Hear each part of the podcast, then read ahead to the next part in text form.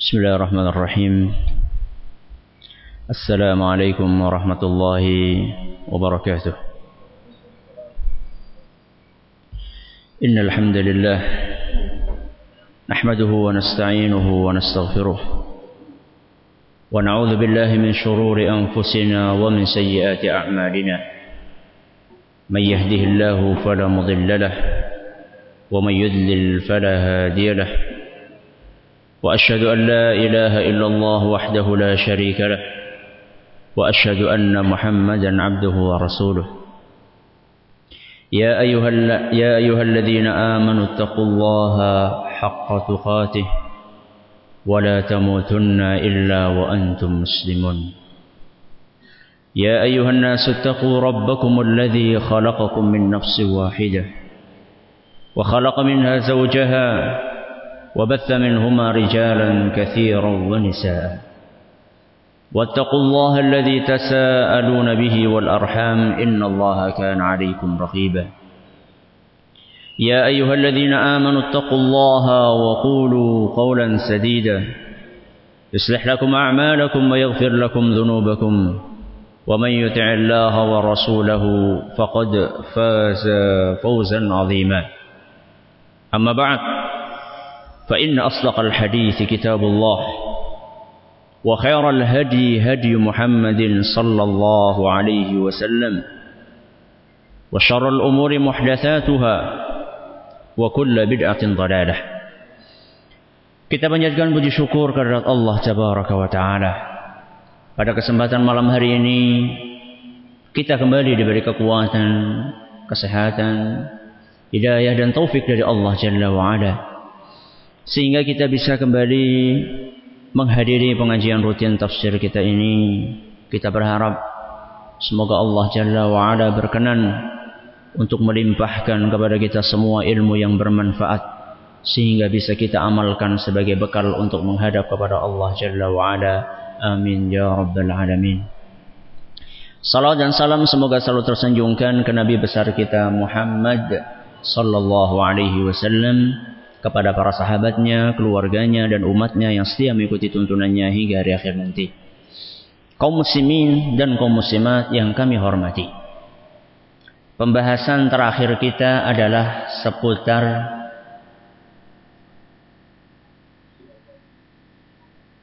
momen membaca hamdalah. Kita sebutkan berapa momen saat itu. Ada delapan. Bagus. Yang pertama. Selesai makan dan minum. Yang kedua. Ketika sholat. Terutama di saat apa? I'tidal. Yang ketiga. Setelah selesai sholat. Berapa kali? 33 kali dan boleh juga 10 kali. Masing-masing ada hadisnya dan hadisnya sama-sama sahih. Yang keempat di awal khutbah atau atau penulisan apa? buku. Yang kelima hmm? ketika mendapatkan nikmat entah yang mendapatkan kita ataupun siapa? Atau orang lain. Yang keenam, ketika memakai pakaian baru, apa doanya?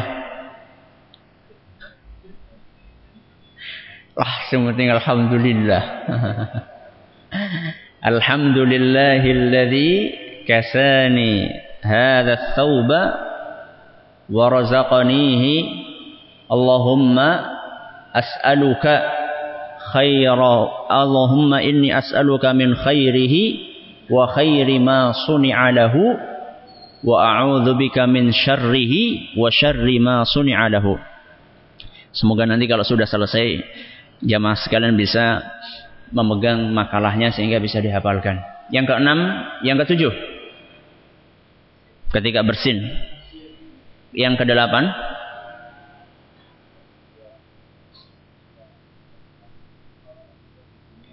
ketika melihat orang lain yang mendapatkan apa? Cobaan dari Allah Subhanahu wa taala.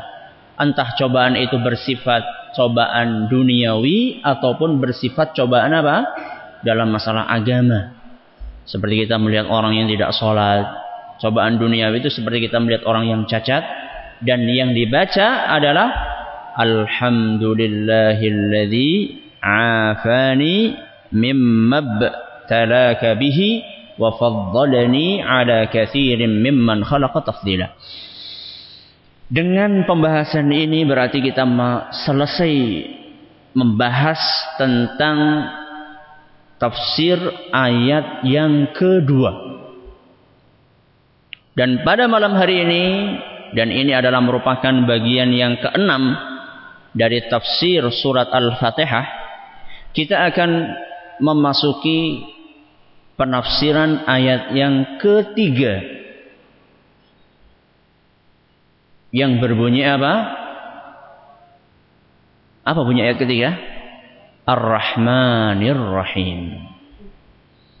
Alhamdulillah Bismillahirrahmanirrahim ayat pertama, ayat yang kedua adalah Alhamdulillah Rabbil Alamin dan itu sudah selesai kita masuk ke ayat yang ketiga yaitu apa? Ar-Rahmanir Rahim. Ar-Rahman Ar-Rahim sudah pernah kita bahas. Ketika apa? Ketika kita menafsirkan Bismillahirrahmanirrahim. Ketika kita menafsirkan basmalah, sudah kita bahas. Berarti nggak perlu diulang lagi. Tapi masih pada ingat nggak apa artinya Ar-Rahman Ar-Rahim? Ar-Rahman artinya apa? Zat yang kasih sayangnya meliputi seluruh manusia yang mukmin maupun yang kafir di dunia maupun di di akhirat. Ar-Rahim apa artinya? Zat yang kasih sayangnya khusus untuk kaum mukminin di dunia dan dan di akhirat. Berarti nggak perlu diulang. Tapi saya ingin menyebutkan sebuah faidah indah. Sebuah faidah indah Mengapa Allah Subhanahu wa taala mengulang kalimat ini yaitu Ar-Rahmanir Rahim di ayat yang ketiga? Padahal Allah Subhanahu wa taala sudah menyebutkannya dalam ayat yang pertama. Allah sudah menyebutkan Bismillahirrahmanirrahim. Kemudian ayat yang kedua berbunyi Alhamdulillahi Rabbil Alamin. Kenapa diulang lagi ayat yang ketiga adalah apa? Ar-Rahmanir Rahim. Apa faidah dari pengulangan ayat ini? Kata Imam Al-Qurtubi dalam tafsirnya, setelah di ayat yang kedua Allah Subhanahu wa taala mensifati dirinya sebagai Rabbul Alamin. Masih ingat makna Rabb? Apa? Pencipta, pemilik dan apa? Pengatur. Setelah Allah Subhanahu wa taala di ayat yang kedua menyebutkan bahwasannya dirinya adalah Rabbul Alamin. Dan ini menimbulkan rasa takut di dalam jiwa para hambanya. Karena keperkasaan Allah Jalla wa'ala. Di mana Allah Subhanahu wa taala adalah penguasa, pemilik, pengatur alam semesta ini. Timbul rasa takut di dalam jiwa para hambanya. Karena timbul rasa takut ini, Allah Subhanahu wa taala mengiringinya dengan menyebutkan bahwasannya Allah itu adalah Ar-Rahman dan Ar-Rahim. Yang Maha Pengasih lagi Maha Penyayang.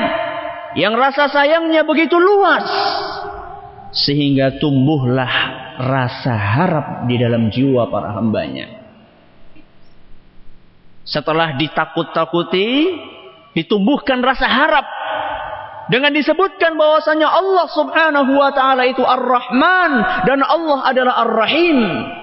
Maka janganlah kalian tenggelam di dalam rasa takut kepada Allah Subhanahu wa taala. Tumbuhkanlah rasa harap Tumbuhkanlah harapan dalam jiwa kalian kepada Allah Subhanahu wa taala. Kenapa?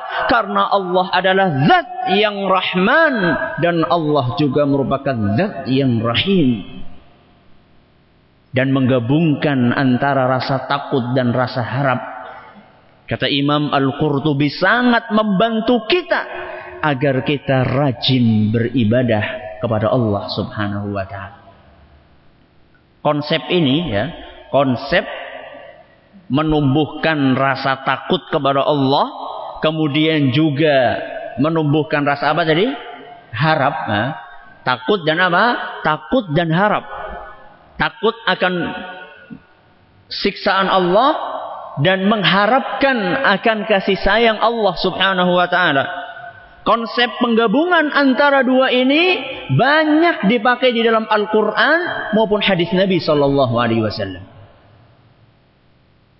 Di antaranya dalam Al-Quran adalah firman Allah subhanahu wa ta'ala di dalam surat Al-Hijr ayat 49 sampai 50. Di dalam surat Al-Hijr ayat 49 sampai 50 Allah subhanahu wa ta'ala berfirman Nabbi ibadi Anni anal ghafurur rahim Kabarkanlah kepada para hambaku bahwasannya aku yaitu Allah Subhanahu wa taala adalah Maha Pengampun dan juga Maha Penyayang.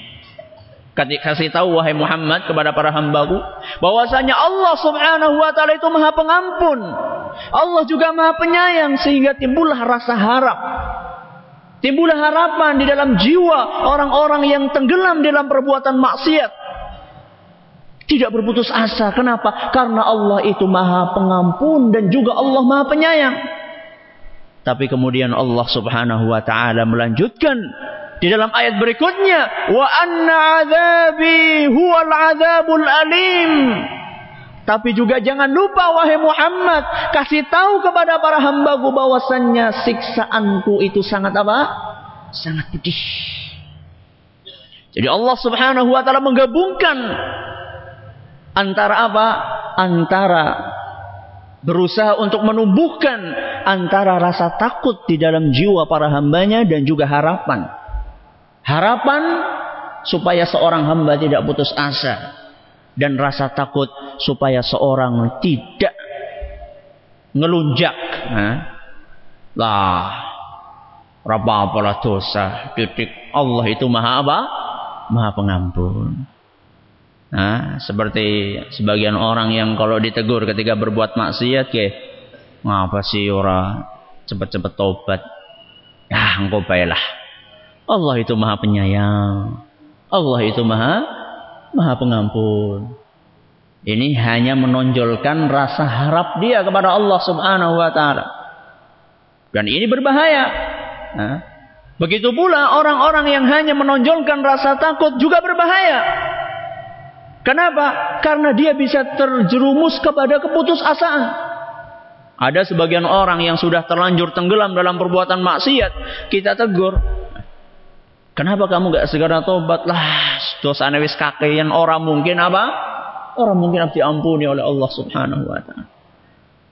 Kenapa orang ini putus asa? Karena dia hanya menonjolkan satu sifat Allah Subhanahu wa taala yaitu sifat siksaan yang sangat pedih, tapi dia tidak memperhatikan bahwasanya Allah juga memiliki sifat apa? Sifat pengampun dan juga memiliki sifat penyayang. Ini contoh penerapan konsep itu dalam Al-Qur'an.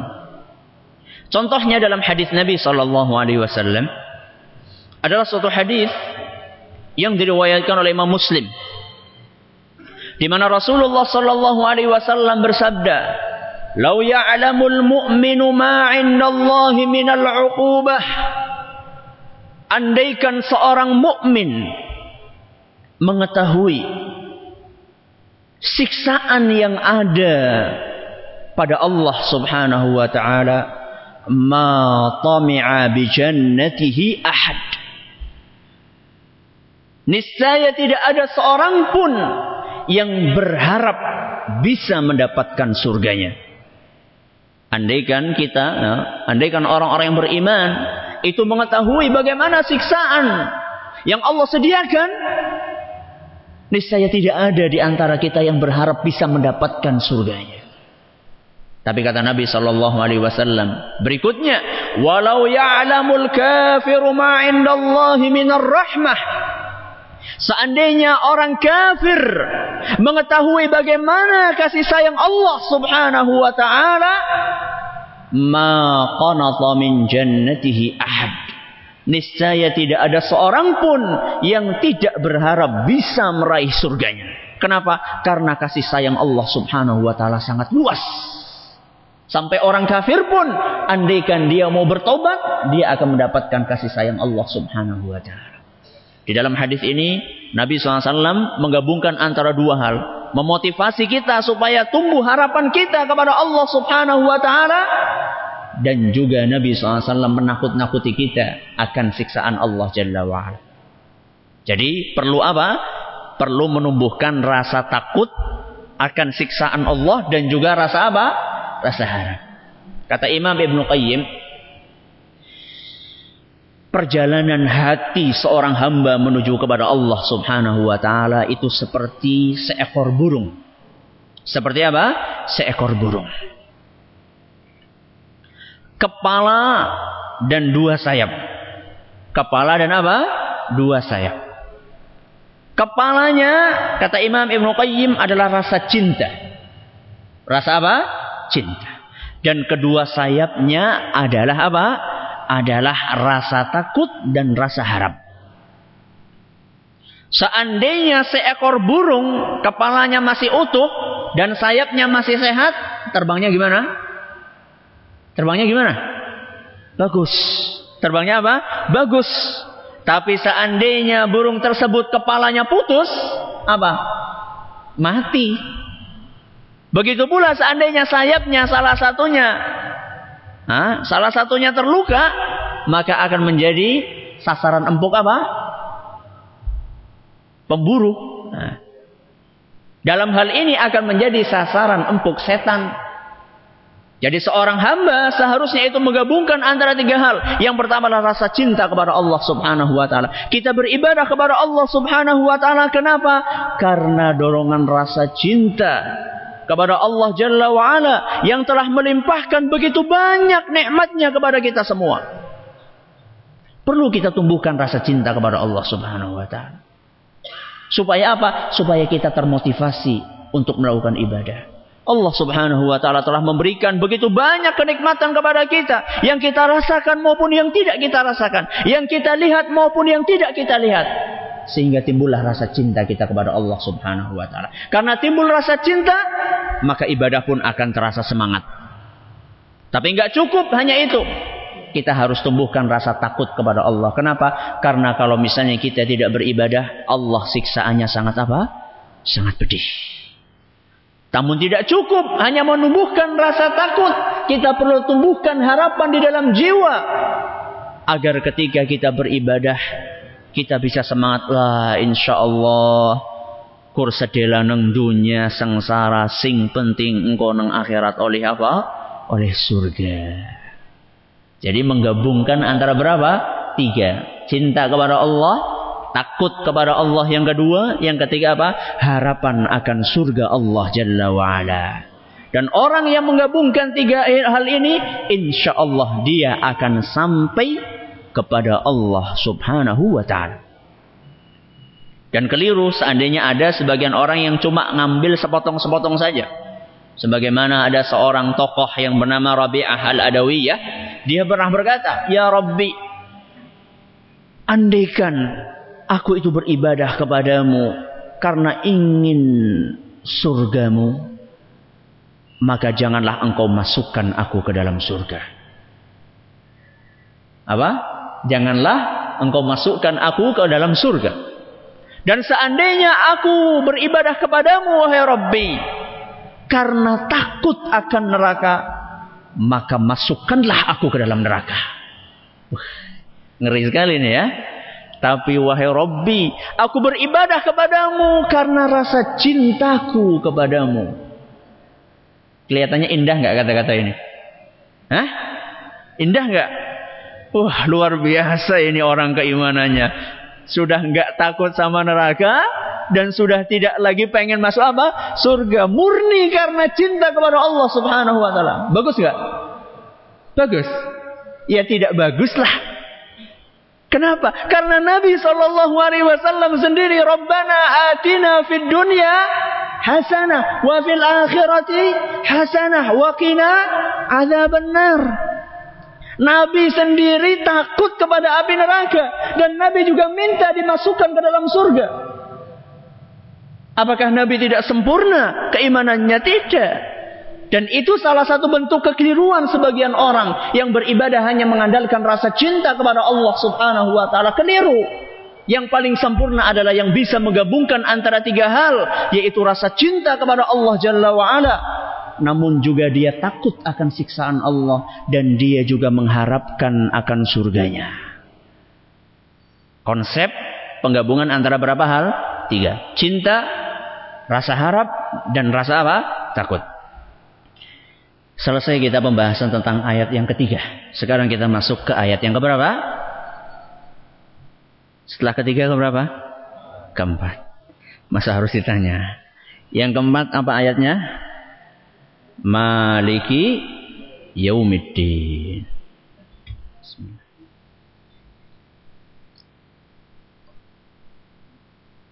Maliki. Ada berapa cara membacanya?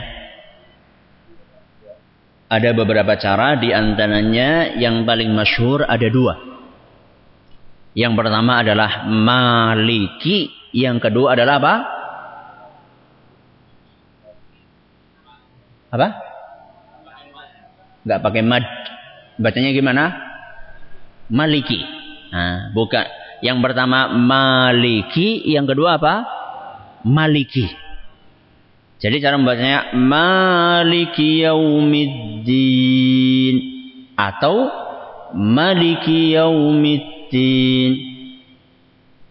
Dan cara membaca dua ini yang biasa diistilahkan oleh para ulama dengan kiraah itu sama-sama sahih.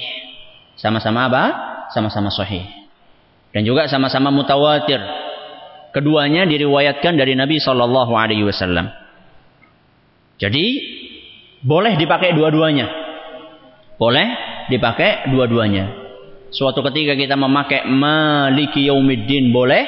Suatu ketika kita memakai Maliki Yaumiddin juga apa? Boleh. Nah, ini pentingnya sinau. Pentingnya apa? Sinau. Nek salat nang burine imam kok ujuk-ujuk macane apa?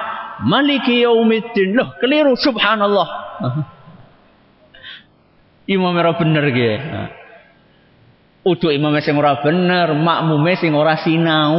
Nah, gue sing bener. Nah, itulah pentingnya ngaji. Ya. Pentingnya ngaji jadi tahu mana yang benar, mana yang salah. Dua-duanya sama-sama sahih, sama-sama mutawatir sebagaimana disebutkan oleh Imam Ibnu Katsir di dalam tafsirnya dan juga As-Samin Al-Halabi dalam tafsirnya juga dan uh, Ibnu Ashur dalam At-Tahrir dan At-Tanwir. Dua-duanya sama-sama sahih dan mutawatir. Apa maknanya? Mesti maknanya beda. Antara maliki sama apa? Maliki.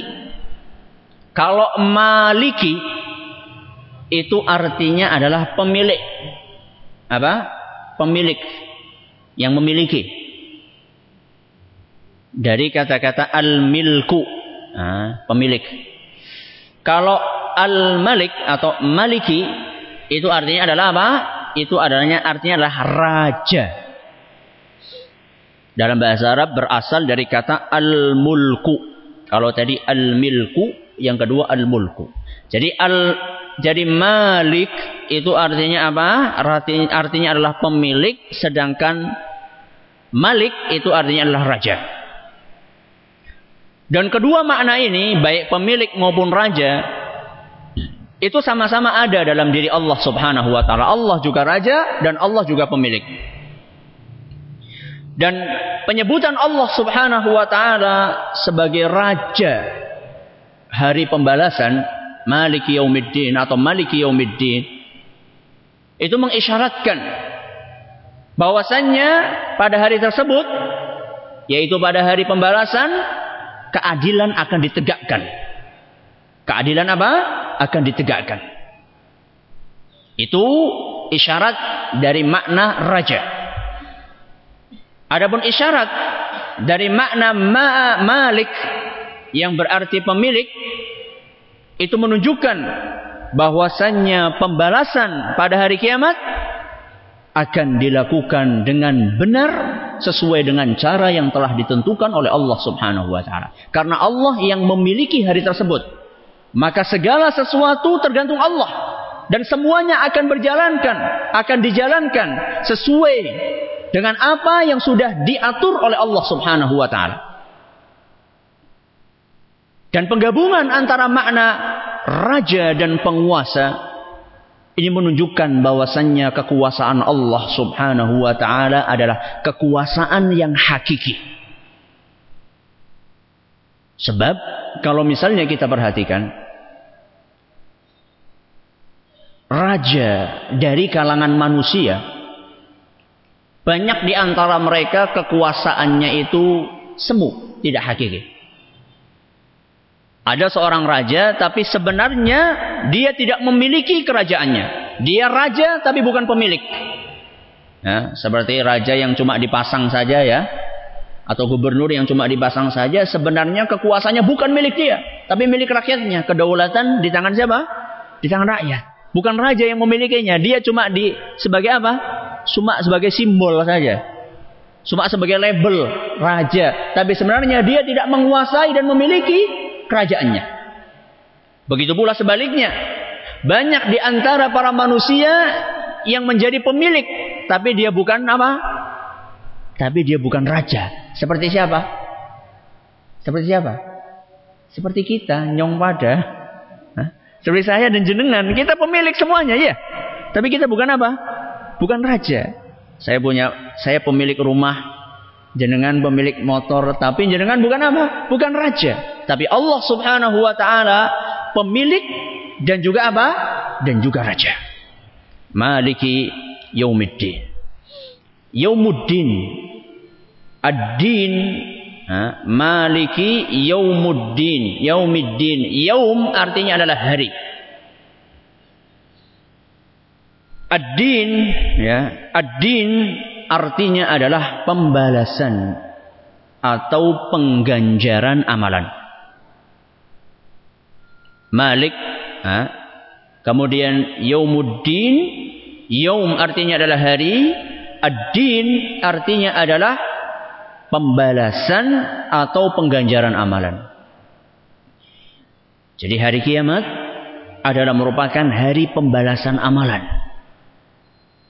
Dan saat itu tidak ada lagi kesempatan untuk beramal.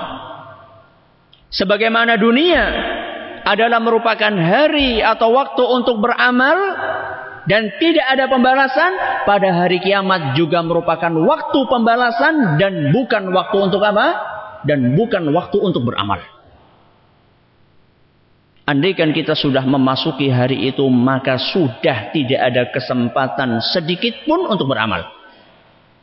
Kata Ali ibnu Abi Talib, irtahalid dunya mudbiratan. Dunia telah berjalan meninggalkan kita. Wartahalatil akhiratu muqbilatan. Dan akhirat telah berjalan menghampiri kita. Walikulli wahidatin minhuma banun. Dan masing-masing di antara dunia dan akhirat dua-duanya sama-sama memiliki anak. Fakunu min abna'il akhirah wa la takunu min abna'id dunya. Jadilah kalian anak-anak akhirat dan janganlah kalian menjadi anak-anak dunia. Fa innal yawma amalun wala hisab. Karena hari ini adalah waktu untuk beramal bukan pembalasan. Hari ini ya, ketika kita di dunia, waktunya untuk apa? Beramal, bukan pembalasan. Wa ghadan hisabun wala amal. Dan kelak pada hari kiamat adalah waktu pembalasan, bukan waktu untuk apa? Beramal. Ini nasihat yang sangat berharga dari Ali bin Abi Thalib. Jadi kalau misalnya kita ingin beramal waktunya kapan? Sekarang. Waktunya sekarang. Kalau misalnya nyawa sudah diada di tenggorokan kita, sudah berhenti waktu beramal kita. Apalagi seandainya kita sudah menghadap kepada Allah Jalla wa'ala. Sekalipun kita merintih kepada Allah subhanahu wa ta'ala. Sekalipun kita meronta, menghibah, teriak kepada Allah subhanahu wa ta'ala. Memohon kepada Allah, wahai Rabbi, berilah aku kesempatan untuk sholat barang satu rakaat saja, wahai Rabbi. Saya ingin meletakkan kepalaku di atas tanah, tunduk kepadamu. Atau berilah saya kesempatan wahai Rabbi untuk mengucapkan zikir satu kalimat saja. Subhanallah. Untuk menambah timbangan amal kebajikan saya. Andaikan kita merintih, meronta, meminta, tidak akan dikabulkan oleh Allah subhanahu wa ta'ala. Kenapa? Karena pintu beramal sudah apa? Sudah tertutup rapat. Maka mumpung masih di dunia, Mumpung masih di dunia, mari kita berbanyak amal. Supaya nanti pada hari kiamat kita bisa memetik buah dari amalan yang kita kerjakan. Dan semoga kita bukan termasuk orang-orang yang apa? Orang-orang yang merugi. Maliki yaumiddin. Penguasa atau raja atau pemilik hari pembalasan. Timbul pertanyaan. Bukankah Allah subhanahu wa ta'ala penguasa dunia dan akhirat? Iya. Iya. Atau hanya penguasa akhirat saja? Penguasa dunia akhirat. Kenapa dalam ayat ini Allah dikatakan penguasa hari kiamat?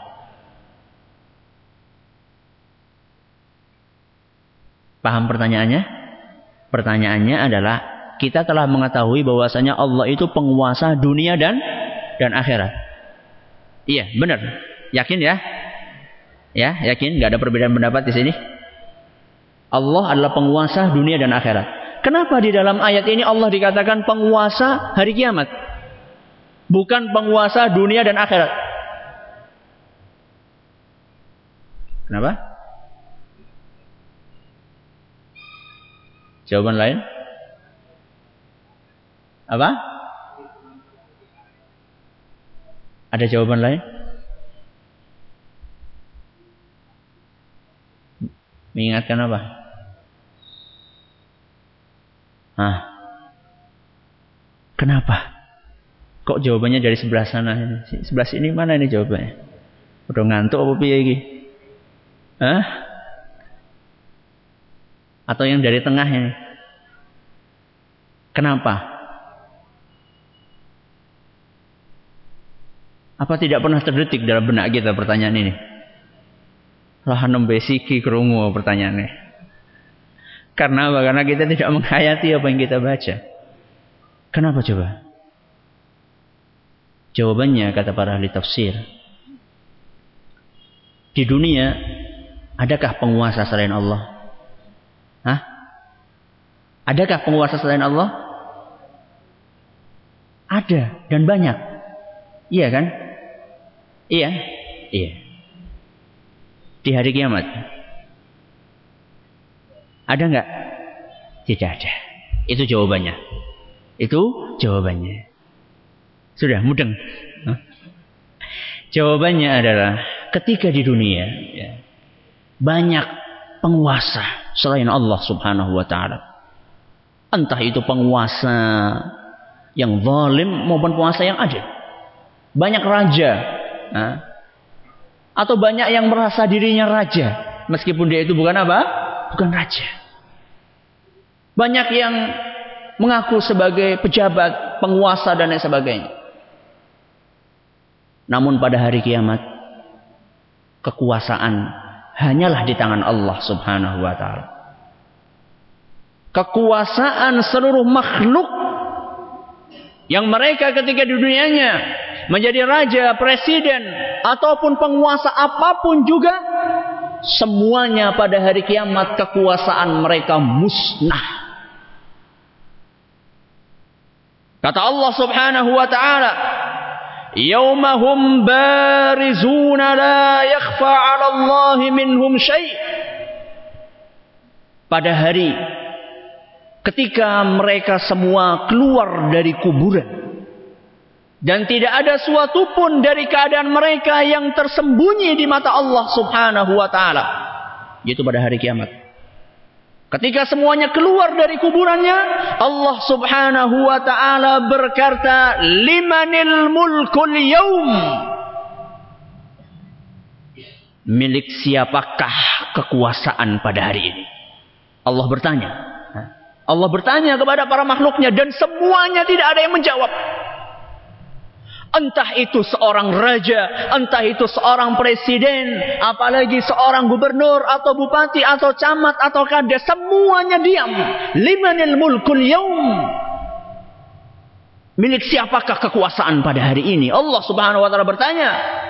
Lalu Allah sendiri yang menjawab, Lillahil wahidil qahhar.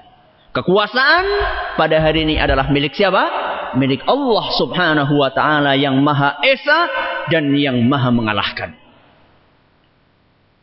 Al-Qur'an surat Al-Mu'min ayat 16. Dan di dalam hadis yang diriwayatkan oleh Imam Bukhari dan Muslim Rasulullah sallallahu alaihi wasallam bersabda Yaqbidullahu tabaraka wa ta'ala al-ardha yawmal qiyamah wa yatwi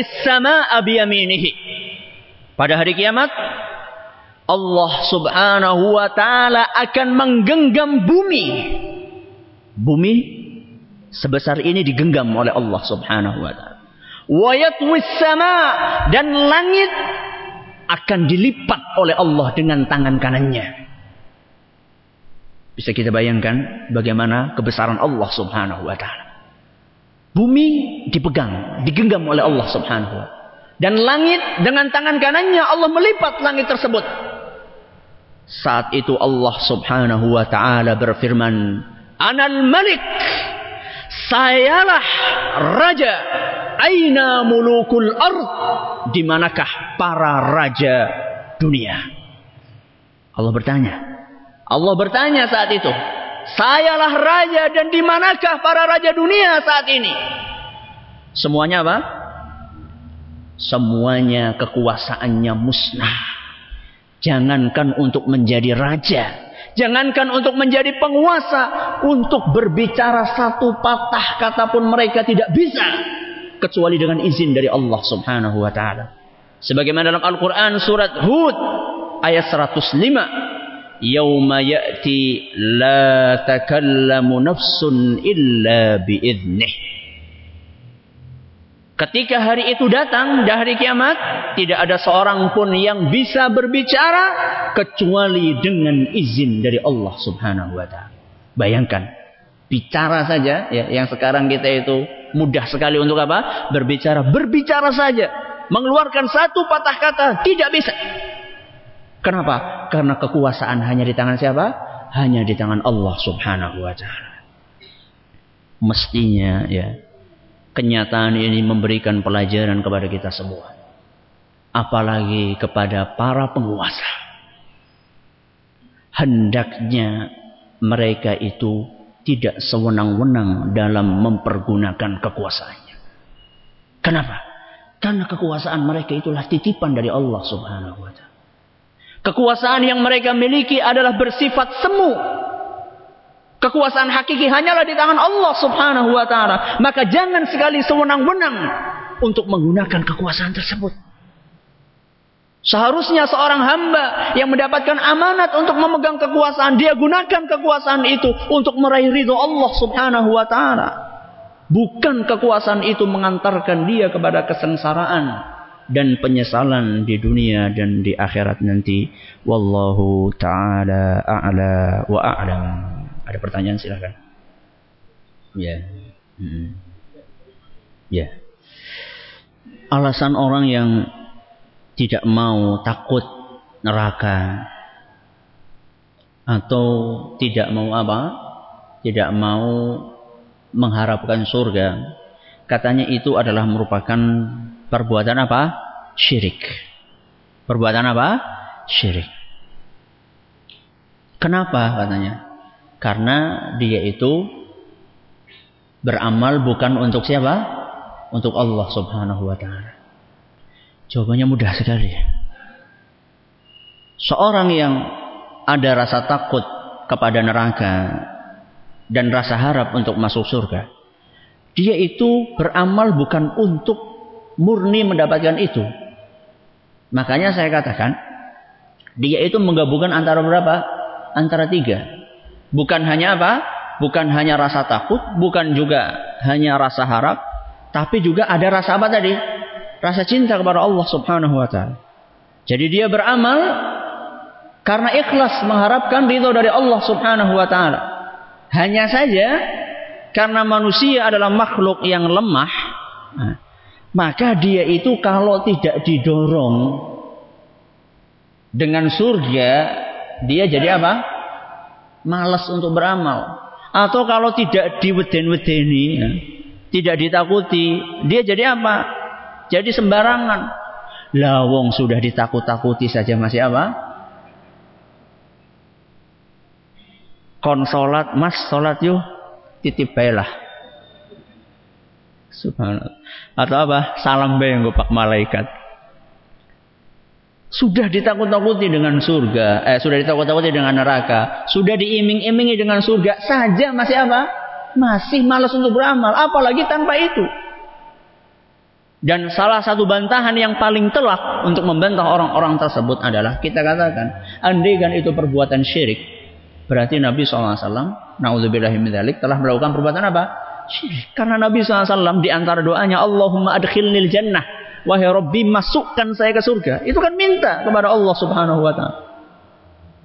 Dan juga di antara doa Nabi SAW, Allahumma ajirni minan nar. Wahai Rabbi, selamatkan aku dari apa? Api neraka. Loh, berarti Nabi SAW melakukan perbuatan syirik. Na'udzubillahi min dzalik. Makanya yang paling pas adalah menggabungkan antara tiga hal tersebut dan masing-masing ada dalilnya. Bukan saatnya sekarang untuk berpanjang lebar berbicara masalah ini. Ada lagi silahkan. Ya. Silahkan, monggo. Masih ada waktu berapa menit? Masih ada lima menit. Maksudnya sholatnya sah apa enggak gitu. Nah, ada orang yang sholat kemudian dia itu belum paham makna yang dia baca. Apakah sholatnya sah? Sholatnya sah insya Allah. Sholatnya sah. Cuman kurang sempurna.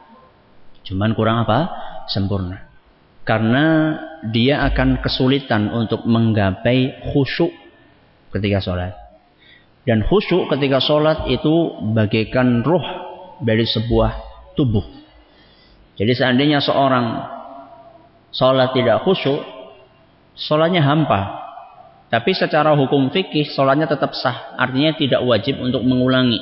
Sah itu dalam hukum fikih artinya tidak apa? Tidak harus untuk mengulangi. Orang batal namanya seperti itu. Cuman itu kurang sempurna. Ya. Kurang sempurna karena seorang hamba dituntut untuk khusyuk dan supaya seorang khusyuk salah satu jalan utamanya adalah dengan memahami apa yang dia apa memahami yang dia baca. Kalau misalnya dia subhanarabbiyal a'la tidak paham, bagaimana dia akan tunduk, akan khusyuk kepada Allah Subhanahu wa taala. Ketika dia membaca Rabbana walakal hamdu, kalau misalnya dia nggak paham, bagaimana dia akan apa? Bagaimana dia akan khusyuk ketika sholat? Apalagi bacaan-bacaan suratan, kemudian surat Al-Fatihah dan lain sebagainya. Maka itu suatu kekurangan. Ya. Cuman sholatnya tetap sah insya Allah. Ada lagi? Ya. Salat berjamaah apakah wajib membaca surat Al-Fatihah? Kalau salat sirriyah jelas ya. Kalau salat sirriyah yaitu salat apa? Salat maghrib eh salat apa? Zuhur, asar, ini jelas. Kemudian rokaat yang ketiga dari salat maghrib dan rokaat ketiga empat dari salat isya, ini jelas. Itu harus kita membaca surat Al-Fatihah. Tapi kalau misalnya sholat jahriyah, sholat jahriyah, sholat maghrib, rokat pertama kedua, sholat isya, rokat pertama kedua, dan sholat subuh, apakah wajib bagi makmum untuk membaca surat Al-Fatihah? Ini perbedaan pendapat di antara para ulama yang sangat panjang. Sampai detik ini masih para ulama berbeda pendapat. Untuk kehati-hatian sebaiknya membaca. Untuk kehati-hatian menghindarkan diri dari perbedaan pendapat di antara para ulama sebaiknya membaca dan memilih waktu yang tidak menyibukkan diri dari memperhatikan bacaan siapa? Bacaan imam. Misalnya antara bacaan suratan dengan bacaan apa? Dengan bacaan Al-Fatihah. Jeda antara Al-Fatihah dengan suratan. Atau misalnya ketika awal sholat sebelum imam membaca surat Al-Fatihah biasanya diamnya agak lama. Pokoknya berusaha bagaimana caranya dia mencari waktu yang tidak menyibukkan dia dari mendengarkan dan menghayati bacaan imam. Ya tadi di sana ada. Ya. Ada dua permasalahan. Manusia tidak akan masuk ke surga karena amalannya. Tapi di dalam ayat Al-Quran banyak sekali disebutkan bima kuntum ta'malun. Kalian itu masuk surga karena amalan kalian.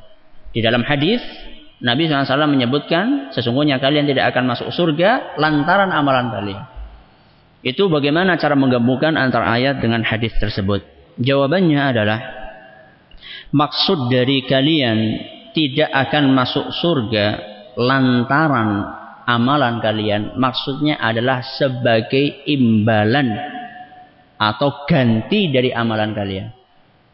Jadi kalian itu masuk ke dalam surga itu bukan sebagai ganti dari amalan kalian karena amalan kalian itu terlalu apa? Terlalu kecil dibandingkan dengan apa? Dengan surga. Amalan yang kalian kerjakan itu sangat jauh dari kesempurnaan. Kalau ditimbang uh, sebagai ganti dari apa? Dari surga itu tidak berhak. Nah, itu tidak berhak. Adapun maksud itu maksud dari hadis Nabi SAW. Adapun maksud dari ayat bima kuntum ta'malun, maksudnya adalah amalan itu merupakan lantaran. Nah, merupakan apa?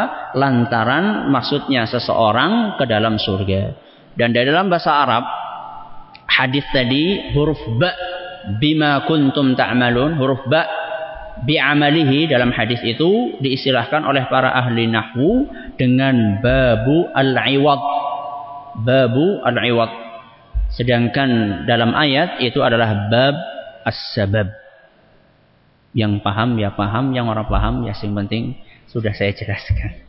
Wallahu taala alam subhanakallahumma wa bihamdika asyhadu an la ilaha illa anta astaghfiruka wa atubu ilaik. Atas perhatian yang kamu ucapkan terima kasih atas segala kekurangan. Kami mohon maaf yang sebesar-besarnya. Wassalamualaikum warahmatullahi wabarakatuh.